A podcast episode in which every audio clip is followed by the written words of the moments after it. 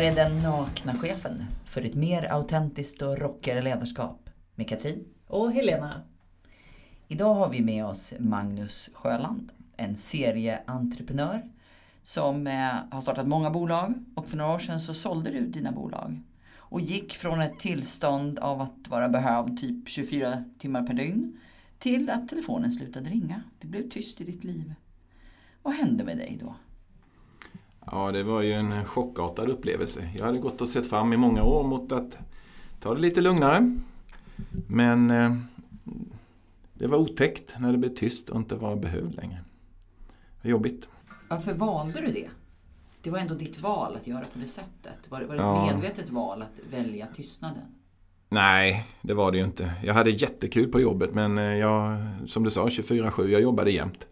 Sov bara någon timme per natt. Och, och sen eh, redan när jag grundade mitt första företag så tänkte jag att vid 40 då ska jag sluta jobba. Så det var liksom en dröm. Och nu så slutade jag inte förrän jag var vid 49. Så, att, så jag hade ju gått lite på övertid då. Så jag såg verkligen fram emot det där. Men eh, det tog ju bara en vecka så var det ju inget roligt. Mm. Och vad, vad upptäckte du då? Hade du gjort det en förväntan? Hade du en tydlig förväntan på vad som skulle hända när du inte behövde jobba mer? Nej, det hade jag inte. Jag såg väl bara evig semester framför mig. Men det, det är väl ungefär som att äta oxfilé och dricka champagne varje dag. Det, det är inte så kul i, i längden. Det är samma att ha semester jämt. Mm. Det är tungt. Mm. Och jag, jag kände det att, att vara behövd, det, det, det var nog det viktigaste för mig. Och det, det säger jag till folk nu när jag träffar dem och, och någon frågar mig om jag kan hjälpa till. Ja, då känner jag mig lite behövd, säger jag. Och så kan jag hoppa in. Men du hade ju också en tanke om det här att vara behövd i ditt ledarskap innan du sålde Mm. bolagen. Berätta hur du tänkte om det. Absolut, för jag, jag hade några olika bolag. Och, eh, till exempel i ett konsultbolag. Om någon inte har full beläggning från någon kund och så, där, så försökte jag alltid, alltid hitta några extra uppgifter så att folk, så de anställda kunde känna sig behövda. Och jag märkte också att om, man, om jag inte gjorde så, då, då hände det att någon, de sa upp sig. För att man vill gärna vara behövd på jobbet och inte bara sitta på bänken och vänta på att det ska komma ett uppdrag. Utan Mm. man vill göra skillnad och göra nytta. Mm. Mm. Och då fick jag ju väldigt glada medarbetare helt enkelt. Ja. Vi har varit inne på det lite när vi har pratat om engagemang i, i arbetslivet och vad är det som gör en engagerad. Och vi har ju också kommit fram till det att man behöver någon form av meningsfullhet och eh, man behöver känna att man gör något vettigt, meningsfullt i livet. Liksom. Mm. Det är en ganska stark drivkraft som de flesta människor har ändå. Mm. Ja, jag tror det är det viktigaste på, på jobbet. Mm. Att man känner en meningsfullhet, att man gör en skillnad. Mm. Och inte, många tror att det är lönen, att man ska ha en hög lön. Men det, jag tror inte det, utan det är att man ska känna sig behövd. Mm. Hur gjorde du det då? Hur tog du reda på vad det var som gjorde att varje enskild människa kände sig behövd? Det måste ju vara väldigt olika Ja, absolut. Varje människa har ju eh, olika drivkrafter. Mm. Så är man en, en, en duktig chef så har man ju ett nära förhållande till sina medarbetare. Och vet vad de tycker om. Vissa dras kanske av en hög lön, men eh, jag, jag tror det är kanske 10%. Någon vill göra någon spännande tekniska innovationer. Någon annan vill vara bland sina medarbetare och, och känna det sociala, att det är det viktiga. Att man, men alltså det är otroligt många drivkrafter. Så att vi, så det vi har i Sverige då, utvecklingssamtal eller när man kan sitta över en kopp kaffe och sådär. Fundera tillsammans som chef tillsammans med medarbetaren. Vad är det du drivs av? Vad är det du tycker om att göra? Och, och blir det då så att man inte har full beläggning, då är det bra som chef. Då vet man ju vad de olika drivkrafterna hos de olika medarbetarna är. Så det blir klockrent rätt. Då, så, att säga. så man inte har som vissa företag ja, schemalagda saker. Så här ska man göra och det här är en bonus och det faller ut om du gör det här och det här och det här. Och, det kanske är 10% som tycker det är roligt. Mm. Men 90% jaha, vad ska jag med det till? Mm. Nu fick jag liksom ett, ja, en present här liksom, som jag inte har någon nytta av. Så att det, har man en, en, ett bra, en bra connection mellan sina medarbetare och sig själv, då, då vet man ju när de börjar må dåligt. Mm. Eller när de mår väldigt bra. Så att säga. Och, och likadant när, som konsultchef, om man får in ett antal konsultförfrågningar. Om man då har nära med, eh, ja, connection med sin konsult, då vet man ju vilka av de där uppdragen som attraherar konsulten bäst. För har man otur eller man är en tuff chef eller konsultchef då, Så bara skickar man ut sina konsulter. Titta här, det är jättebra. Mm. Titta, vi har fått ett uppdrag här på två månader. Det får du göra. Liksom. Ja, men, ja, men, ja, men, ja, men, ja, men, ja, men. Jo, men det här är jättebra för då går det bra för företaget. Men då går det dåligt för företaget på sikt för då säger de upp sig. Mm. Det är bättre att vänta tills rätt uppdrag kommer och så skickar man rätt person till rätt Mm. uppdrag. Då. Så att jag var jättenoga med det när jag var konsultchef. Mm.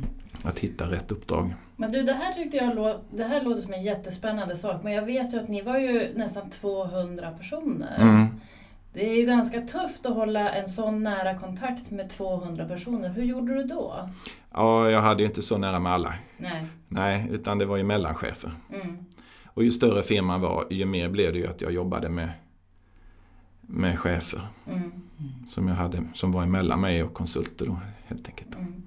Men jag hade lite egna konsulter också. Ja, men Ja. hur, hur lärde du dem då? För då, var det ju, då kanske det var ditt jobb att, och bi- Exakt, exakt. Ja. Mm. Ja, och jag förstår vad du är ute efter. Jag eh, var väl rätt så tidigt ute med några olika aspekter. Men en, en var ju det här med värdedrivna företag.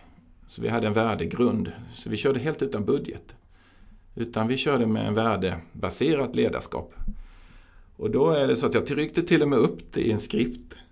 Och det, det blev så att när eh, någon chef inte följde det där, då eh, var det inte alls bra.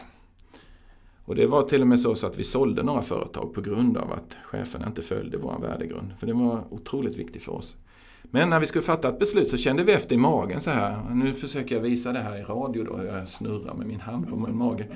Känns det här bra? Följer det här vår värdegrund eller följer det inte vår värdegrund? Och följde det värdegrunden? Ja, har vi råd med det? Ja, det har vi. Och då så körde vi. Så då, då behövde vi ingen budget. Utan vi körde värdegrund och sen så tittade vi på hur stor kassan var. Det, det räckte. Och det började komma mer och mer. Man har hört talas om IKEA och andra företag som Handelsbanken och så vidare som kör utan budget. Men det funkar jättebra. Du, du har ju eh, startat och drivit upp ett stort antal företag. Mm. Eh, Så det har ju gått, du har ju varit framgångsrik. Ja, Det oftast. Men ibland eh, gör man ju några misstag. Men totalt sett så gick det jättebra. Jag tänker din, din filosofi här, jag vet inte, jag ska, i alla fall en del av den, det här att behöva behövas. Mm. Hur viktigt har det varit för framgångarna för dig och framförallt de bolag du har drivit? Ja, det är en svår fråga. Men eh, absolut är det ju viktigt. Ja, det, det var en av grundpelarna att medarbetarna skulle känna sig behövda och ha nära kontakt med sin chef så man kunde ha ett ärligt, en ärlig dialog. Absolut. Och, och sen så försökte jag alltid hitta medarbetare som, som trivdes och skulle kunna trivas med sina medarbetare och med de arbetsuppgifter vi har. Så när det kom någon till företaget som bara var ute efter att tjäna mycket pengar, då fick de inte jobbet. Utan om de kom till oss och brann för det vi ville göra, då var det bingo. Mm. Och sen jobbade vi på det och att de kände att de behövdes. Mm. Så det var ju väldigt centralt. Och sen hade vi ju vissa av vår värdegrund, det var ju ärlighet och långsiktighet, aldrig lura någon kund. Inte vara ute efter kortsiktiga vinster utan det är bättre att ta en förlust Mm. och behålla kund, en nöjd och glad kund. Så det, och det visste ju de anställda. Jag, en av mina mellanchefer, eh, jag ska inte säga vad hon hette, men hon kom till mig för några år sedan och så sa hon till mig, Magnus, jag gick rakt emot ditt beslut. Men varför gjorde du det? Liksom, sa jag. Jo, det var ju emot vår värdegrund. Så hon gick emot mig fast jag hade fattat ett, ett beslut. Men hon sa, du gjorde ett felaktigt beslut. Så det tycker jag, det är ett ärligt ledarskap. Och jag blev så glad, så glad för att eh, vi, när jag själv bröt mot vår värdegrund, det var ju otäckt. Så jag berömde henne för att hon hade gått emot mig och skrivit på ett kontrakt. Mm. eh, Som jag tyckte att vi inte borde skrivit på. Just det. Ja, så det, det kändes jättebra.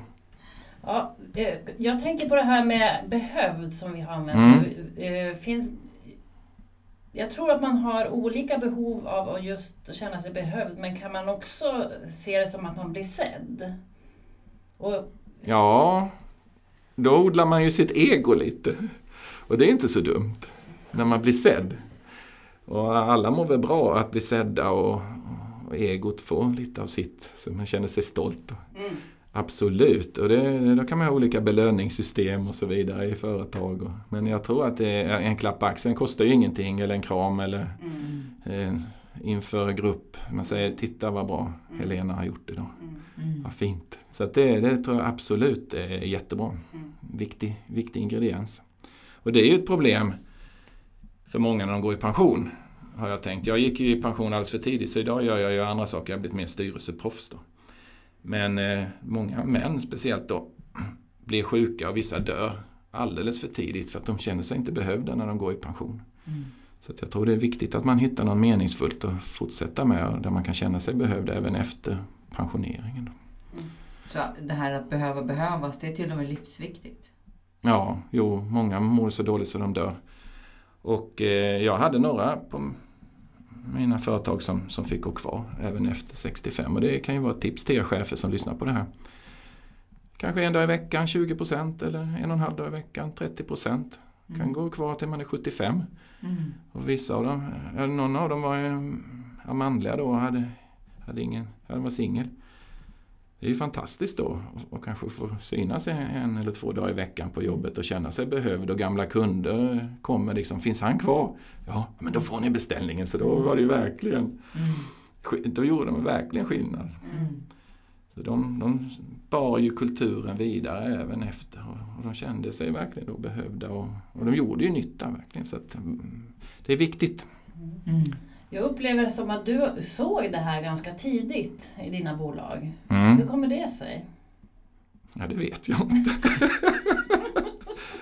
jag har ingen aning, men jag märkte ju det att om jag inte gav mina medarbetare en ärlig kommunikation och, och, och att de inte kände sig behövda, då slutade de. Så det är en ganska praktisk fråga. Ja visst, jag ville gärna att de skulle stanna och trivas och och att vi byggde ett härligt team tillsammans och, och mådde bra tillsammans och gjorde roliga saker och kunde förändra världen. Hur är det för dig idag då? Är du behövd idag? Ja, det var ju tungt då när jag slutade. Så jag, jag, jag blev ju helt galen kan man väl säga då. Det var ju kompisar som höll på att flytta, så jag lekte flyttkarl och det var en kompis som höll på att gå i konkurs så jag försökte hjälpa honom gratis så att inte han gick i konkurs och så vidare. Sen efter ett tag så började jag studera. Och det gjorde att jag hade saker att göra på dagarna. Men det ökade inte att jag behövdes.